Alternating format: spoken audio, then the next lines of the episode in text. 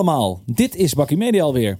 Mijn naam is natuurlijk Thijs van Dijk. Ja, en mijn naam is Daniel Kok. Eh, hey Thijs, eh, jij bent toch best een, eh, een ontwikkelde kerel. Je hebt Ja, een ja, nou, dat vind ik wel echt. Je hebt een goede opleiding, je hebt een leuke baan, mooie vriendin.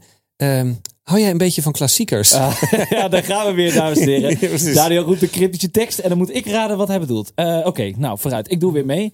Ja, Eh, Parijs-Roubaix, de koning der klassiekers. Oftewel de hel van het noorden. Ja, Even wat anders. heel mooi. Wil je die? Of gewoon onze Feyenoord-Ajax klassieker. ja, zou kunnen, zou kunnen.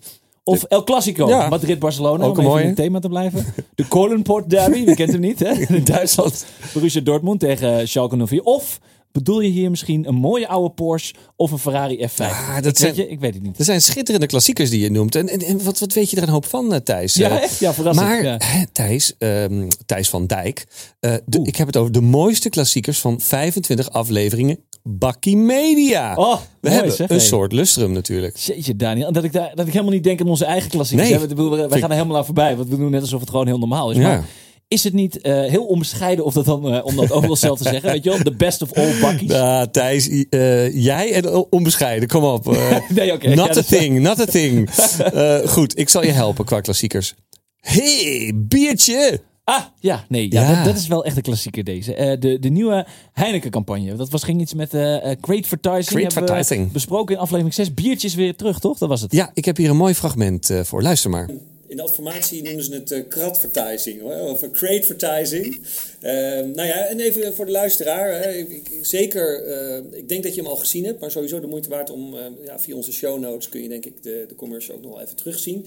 En dan in deze commercial laat Heineken zien hoe inventief de Nederlander eigenlijk is met, met de kratjes. Hè. Ze willen de- het kratje in het middenpunt eh, zetten. En er zijn kennelijk, ik geloof 4,6 miljoen kratten in omloop, als ik het goed heb.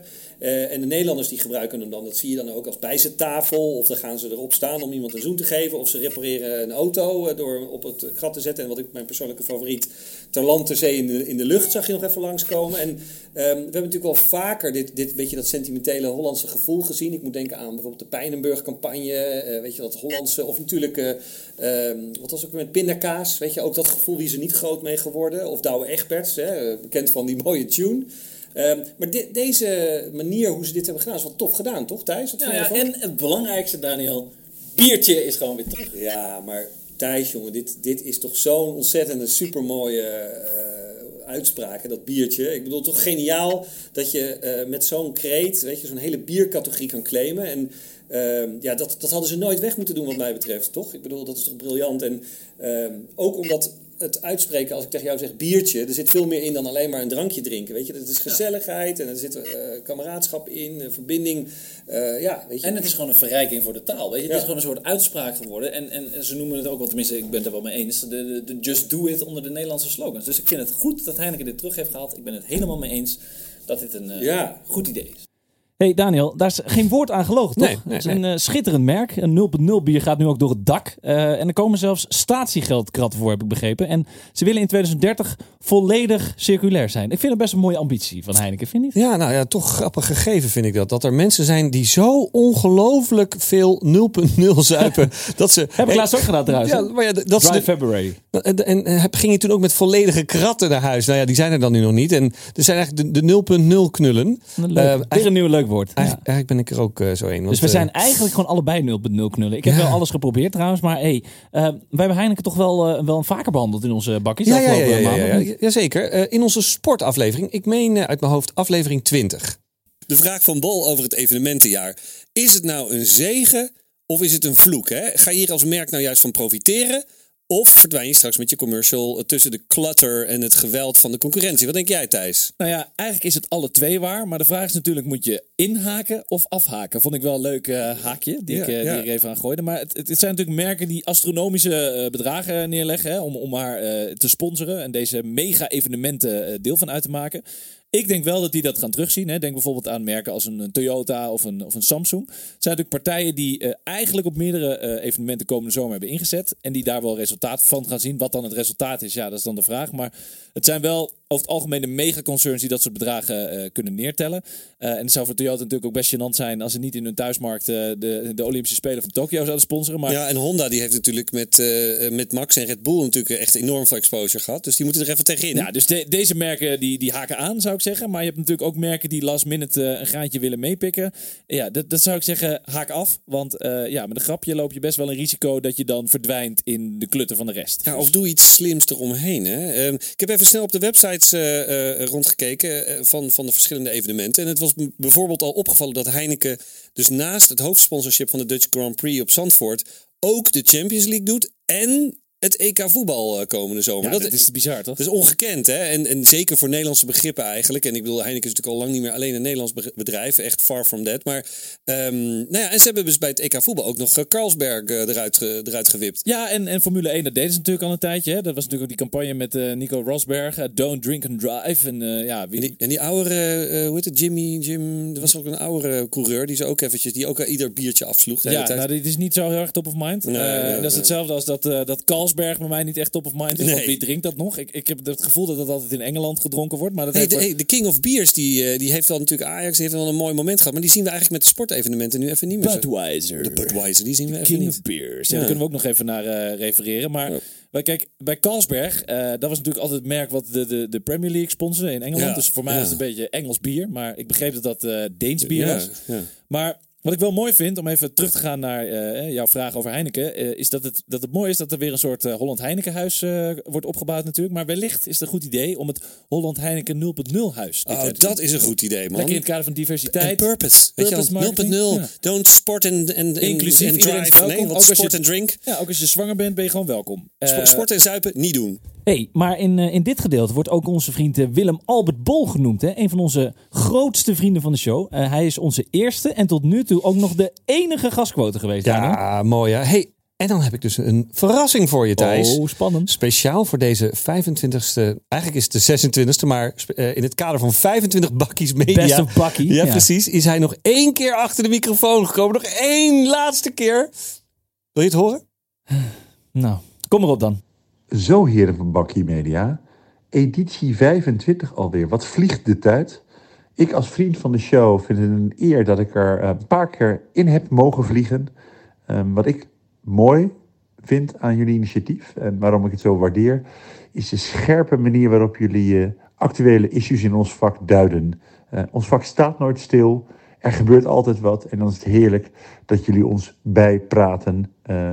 Ieder op jullie eigen wijze. Eh, heren, hou ons scherp. Eh, dat doet ons allen goed. En wellicht hebben we het heel erg hard nodig. Nou, dat is dan toch wel weer mooi, hè? Typisch Willem Albert. Ja, geweldig toch weer. Dankjewel, Bol. Eh, maar snel weer terug naar onze fragmenten, Thijs. Eh, Ja. Wel een heftige tijd eh, voor de marketingindustrie. Ja, dit, dit is toch ook wel een beetje spannend. Hè? Al die grote evenementen die, die links en rechts worden afgezegd door het coronavirus. Ik bedoel, het kan niet op. Ik zou naar eh, Coachella gaan in april. Ja. Gaat dus niet door, want eh man. wordt allemaal verplaatst. Ja. Maar we hadden het in die aflevering over sportmarketing. En eh, dat je niet zomaar moet aanhaken, maar dat je dat eh, gedegen en slim moet aanpakken. En dan komt corona langs en dat, ja, dat is eigenlijk gewoon doodeng voor bedrijven als Heineken. Want dan kun je niks doen, toch? Ja, echt, echt sneu. En ik las trouwens dat ze in het, eh, hè, dus dat Heineken het najaar ook van plan was eh, hoofdsponsor van Sale te worden. Oh. Nu zie ik dat wel doorgaan, moet ik eerlijk Met zeggen. een 0.0 bootje. Precies, heel 0.0 knullen op een 0.0 bootje. Ehm, ook wel opmerkelijk trouwens dat de Formule 1 helemaal nog niks eh, afgezegd heeft. Hè? Nee. Australië gaat gewoon door.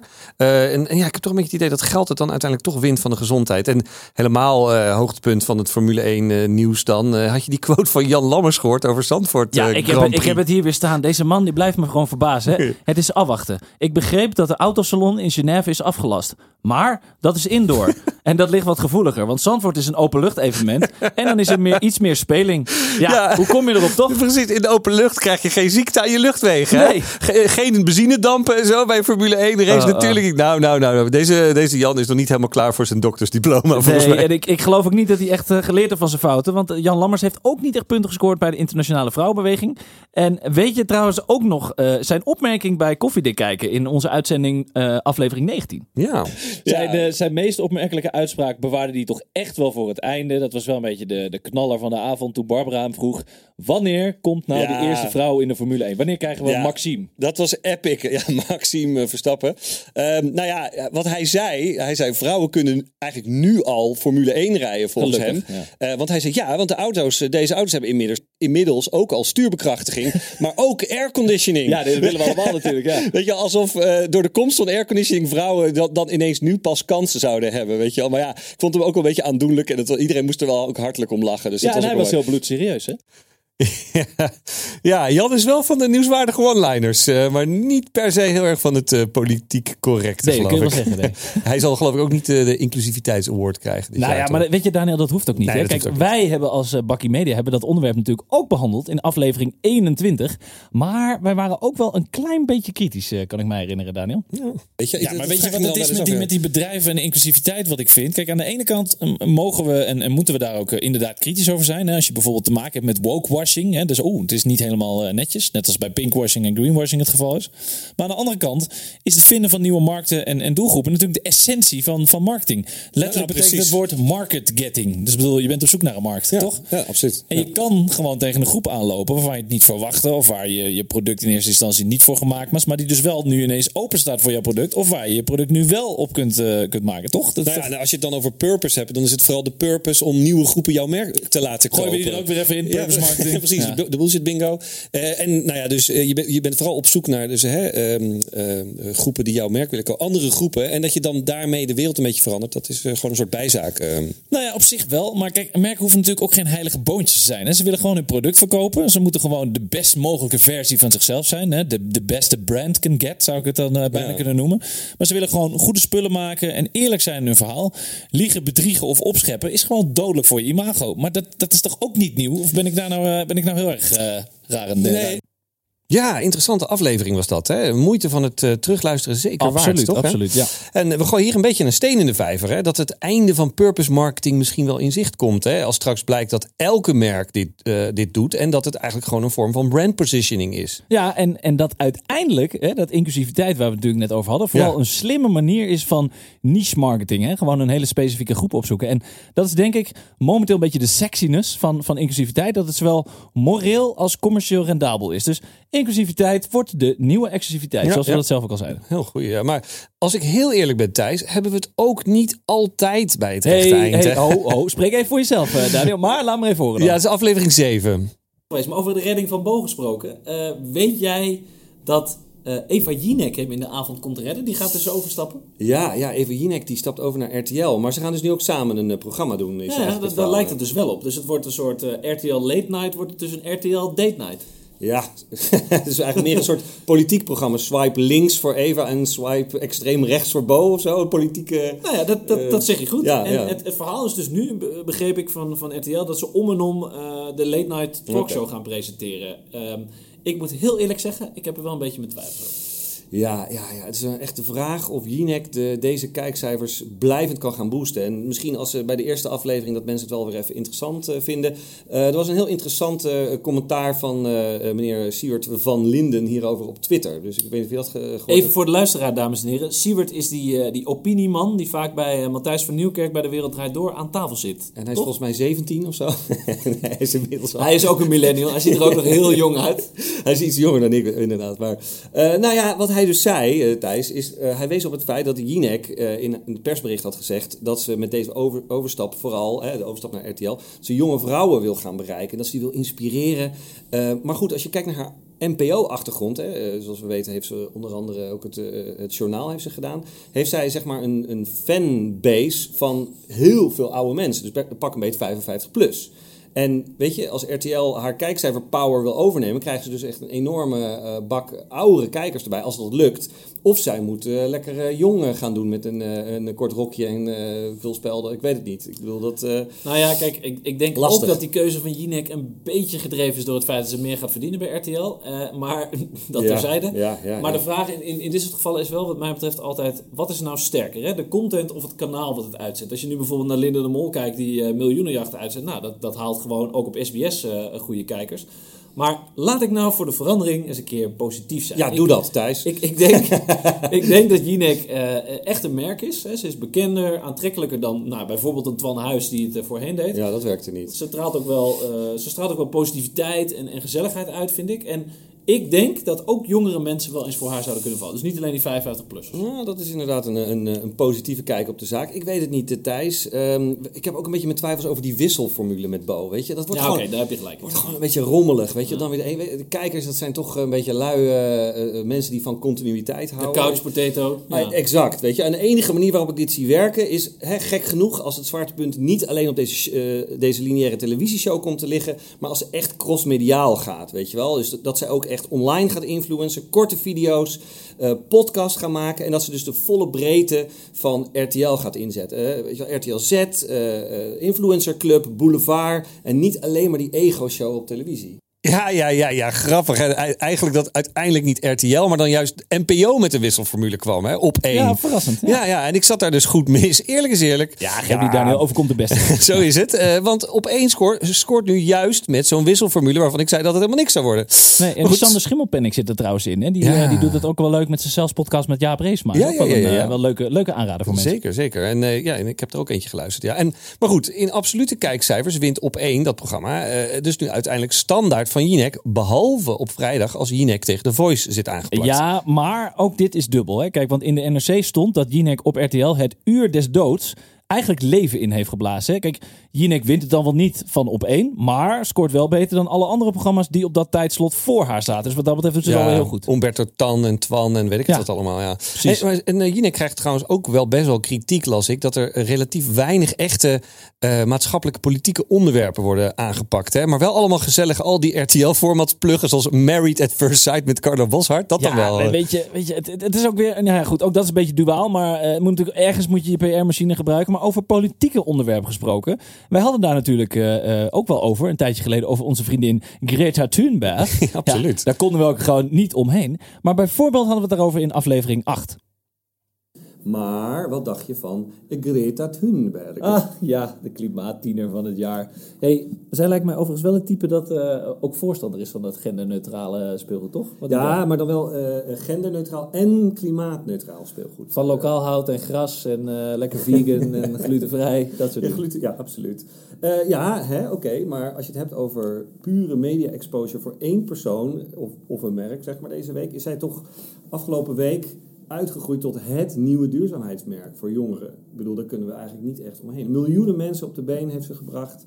Ehm, en ik denk dat als iemand van die generatie opstaat en eh, een enorme tirade houdt tegen, tegen de, de, de, machthebbers of tegen volwassenen, jonge mensen vinden dat natuurlijk super cool. Daniel, je bedoelt natuurlijk wel epic of nice of amazing. Geen cool? Nee? Nee, cool is uit. Oh, en als we het dus vandaag over kids gaan hebben, of over millennials of Generation Z in dit geval, Teens. moeten we het wel goed doen, hè Daniel? Had zij niet ook al een soort van eh fitty met eh, Donald Trump? Ja, ja precies. Eh, in, de, in de Twitter, eh, wat was het? In Hij kwam zomaar binnenlopen, toch? En dat vond ze helemaal niks. Ja, Dat maar er die, was ook in het Twitter-profiel. Hij had iets gezegd over haar heel cynisch. En dat had zij dan vervolgens haar Twitter-profiel van gemaakt. Maar eh, sowieso, dankjewel voor deze Millennial Translation, Thijs. Hè? 35 was het? Ja. Nog net. Hey, ehm, maar eigenlijk zou je een app moeten hebben. Hè? Dat je zeg maar gewoon normale De taal... vertaal-app, Ja, ja. precies. Dat je die vertaalt, eh, Millennial Talk, eh, vertaalt naar eh, gewoon ABN. Ja, Daniel, dat is nog steeds echt een topidee. Hè? Voor, voor mensen die moeten samenwerken met millennials. Of juist met, zoals ik, hè, met die met papa 40 zoals jij moeten samenwerken. Ja, heel moeilijk. Maken we daarvoor dan een soort generatie X-app? Ja, het is ook echt een top idee. Maar we hadden veel meer fantastische ideeën, Thijs. Want weet je nog, de ondernemersfarm. Ah, ja, die vond ik echt geweldig. In aflevering 12 tijdens het MKB ondernemerscongres hè, voor onze eh, mediapartner De Ondernemer. Eh, dat was echt- een top uitvinding. Hè? Ja, weet je Daniel, als jij het toch hebt over klassiekers, die past enorm goed in dit rijtje. Laten we even luisteren. Kijk naar dat voorbeeld wat Björn Kuipers gaf met, eh, met Neymar bijvoorbeeld. Of dat eh, Sergio Ramos aankwam rennen, dat ze zich hadden voorbereid. Wisten ze, ja, wisten voorbereid. dat hij eraan kwam en dat hij zei van nee, eh, wegblijven Sergio. En het fantastische, het rumoer bedoel, hè, we hebben hier natuurlijk heel veel rumoer om ons heen. Maar dat hij dus met de VAR, met zijn assistenten, met iedereen beslissingen moet nemen. En blind vertrouwen we in elkaars Ja. oordeel. Hè. Dat, dat Van Boekel zegt, je moet een penalty geven. En dat, dat Björn zegt, oké, ik geef een penalty. maar, maar- ik heb het niet gezien. Dat is Thijs, die? VAR, man. Dat is toch ook echt briljant. Weet je, we, hadden het er vandaag nog over. Zou het niet lachen lachen zijn als iedere ondernemer een soort ondernemersvar in zijn oor had. Weet je wel?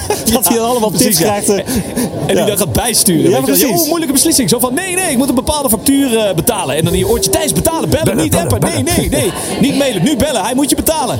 Ontslaan nu. Ja, dan weet ik het ook niet meer hoor. Dan, dan zou ik niet zo stil blijven als, eh als Björn Kuipers, Ja. denk ik. Maar goed.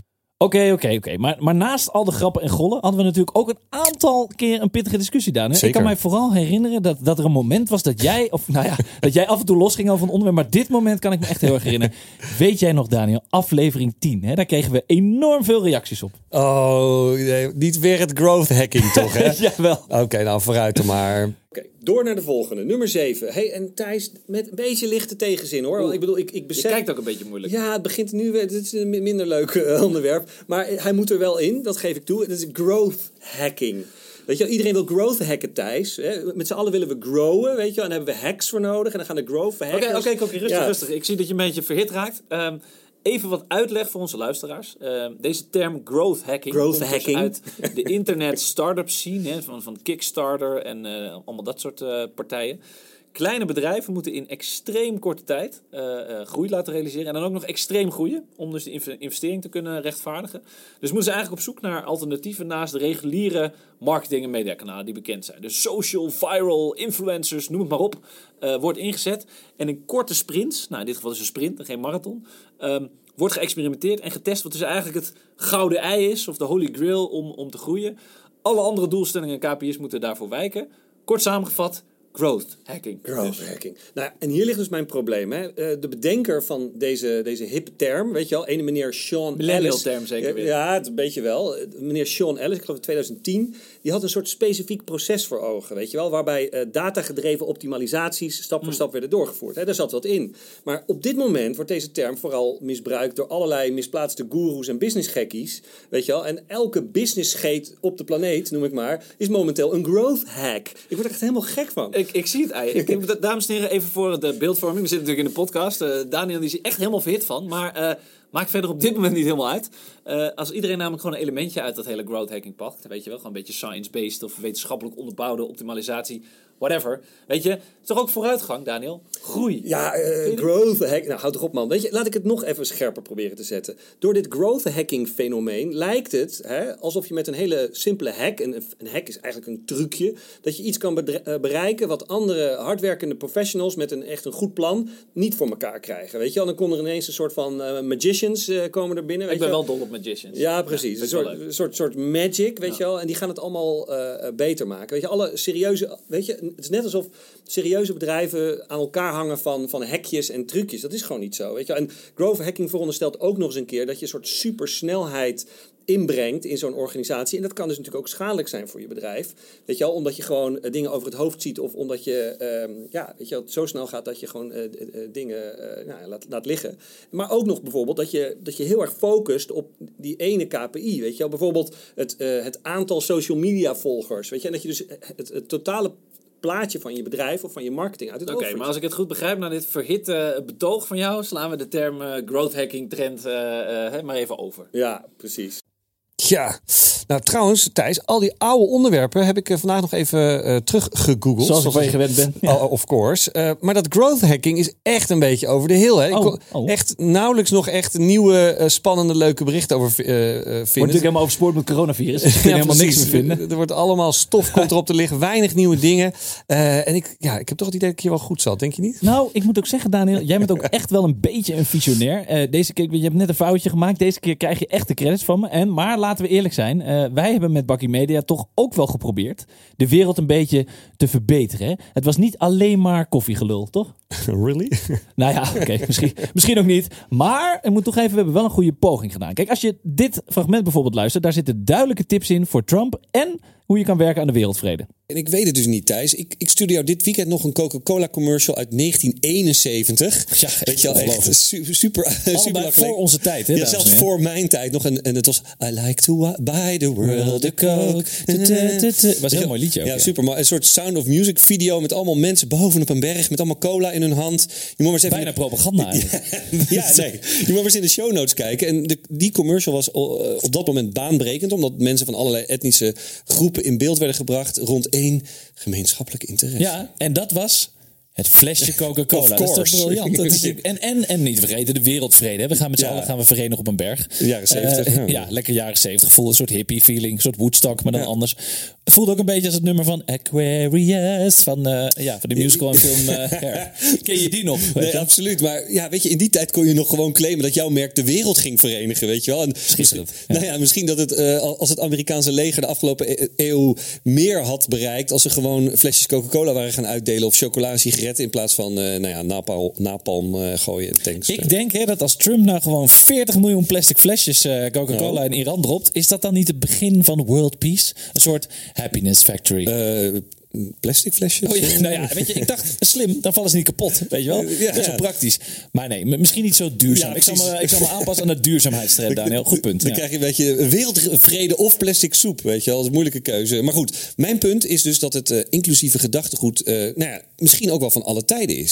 Ja, en toch ook weer een bijrol voor Greta in ons plan, hè, hier. Maar, Echte influencer in ja, absoluut. En eh Thijs, je hebt ook gelijk. Naast dit soort nieuwe sprookjes om de wereld een betere plek te maken, hebben we ook in onze aflevering over storytelling bestaande sprookjes een upgrade gegeven. Ja, Waarom denk- niet? weet je Daniel, ook klassiekers moeten meegaan met hun tijd. Vind je ook niet? Ga je nu beginnen over Sinterklaas of zo? Sst, luister nou maar gewoon. De kerstster. Eigenlijk was de kerstster de eerste vorm van buitenreclame. Ja, en die drie, eh, die nog. drie wijzen uit het oosten, die waren een soort eerste influencers, toch? Maar goed, maar daar gaan we het vandaag dus niet over Nou ja, eh, de, de- deze drie, wat was het? Belgiër, Caspar en Balthasar, dat waren eigenlijk een soort ramptoeristen, weet je wel. Jij En, bent ook alles, hè? Weet je wel, die, de, herberg, weet je, de herberg waar de zwangere Maria werd geweigerd, die kreeg natuurlijk een vet slechte beoordeling op TripAdvisor. Nou, wat briljant is dit eigenlijk allemaal. Ik, ik heb een beetje het gevoel alsof ik door allemaal oude foto's zit te bladeren. Een soort van trip to Bucky Memory Lane.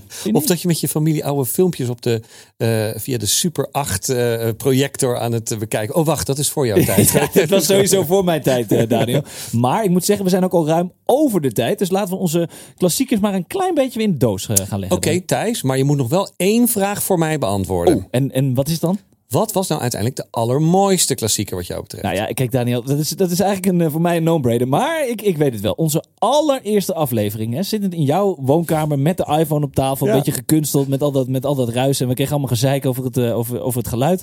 Wij praten over de KLM-campagne. Nou, daar was laatst ook nog een hele spin-off over met mijn eh, purpose marketing column.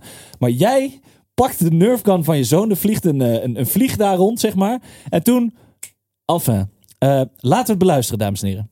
Ehm, als ik nou zeg vliegskam, wat zeg jij dan? Jij begint serieus over Fleeks. Even voor de luisteraar, eh, vlak voor de opname van deze podcast, eh, toen heb ik eh, met de, de Nerf gun van mijn zoon heb ik een vlieg hier uit de lucht geschoten. En Thijs is getuige, toch? Jij Ja, het is, het is echt waar. Het is oprecht jammer dat dit geen vlog is, maar een podcast. Anders had ik jullie dit kunnen laten zien, maar helaas. Nou ja, oké. Maar je, Fleek, Fleek, wat was het? Fleek? Vliegskam. Vliegskam. Nou, sowieso de manier waarop je het zegt is het dus Zweeds. Ehm, ik zeg een, I- een Ikea vliegenkastje. Stop de tijd. Fout. Het is Zweeds voor vliegschaamte. Oh ja. Oké, ik denk dat ik weet eh, wat je, waar je het over wil hebben. Jij wilt het hebben over eh, de KLM-campagne. Exact, Daniel. Fly responsibly, zeggen ze. Doe jij dat al eigenlijk? Nee, nee. Nou ja, ik vlieg sowieso niet zoveel, maar eh, zeker niet eh responsible. Het is toch, ja, ik, ik heb altijd een beetje, een beetje onzin, toch? Dit of niet? Vind je dat? Hé, hoezo? Hoezo is het onzin? Het is toch prima dat eh, bedrijven een beetje maatschappelijk verantwoordelijkheid nemen? En daar wordt toch uiteindelijk niemand slechter van? Nee, nee, er wordt niemand slechter van als het echt gemeend is, als het echt waar is. Maar uiteindelijk zijn het toch bedrijven. En bedrijven willen geld verdienen. Thijs, die geld verdienen. Eh, kijk, natuurlijk de Heineken die dan de F- Formule 1 sponsort. En dan met de slogan If you drink, never drive. Oké, oké. En dan heb je Shell die dan bijvoorbeeld aan de pomp CO2-compensatie doet. En uiteindelijk wat ze dan doen, is dan leggen ze toch de verantwoordelijkheid bij jou als klant. Hè, bij ons allemaal. Oké, ja, dat- maar recent onderzoek heeft wel aangetoond dat bedrijven die maatschappelijk verantwoord bezig zijn, dat het werkt. Dus bedrijfseconomisch is deze richting ook nog eens compleet verantwoord. Oh, bedrijfseconomisch, eh, Ja. Thijs. eh. It's all about the money, Daniel. It's all about the money. It's all about the money. Ja, dat was bullseye, hè? Gelijk in de eerste aflevering, hè? Ja, echt. Toen al, hè? Toen al. Nou, weet je, zo is het, Daniel. En eh, ik zeg eh, op naar de volgende 25 afleveringen. Dit was Bakkie Media alweer, dames en heren. Terug te luisteren op Spotify, Soundcloud en op Apple Podcast. Ook zijn we uiteraard terug te luisteren op de platformen van onze mediapartners. Waaronder De Ondernemer en Adformatie. En uiteraard zijn we ook te vinden op Twitter via Bakkie Media. En voor onze moeders en familie ook op Facebook. En ook sinds kort natuurlijk op, eh, op Instagram via Bakkie Media Podcast. Tot volgende week. En vergeet ons niet te liken, hè? Vertel ons ook vooral jullie memorabele bakkie-momenten. Ja, inderdaad. Deel het en eh, laat het weten. Zeg gewoon wat jij het allermooiste vond. En dan voor nu, tot volgende week. Hoi. Hoi.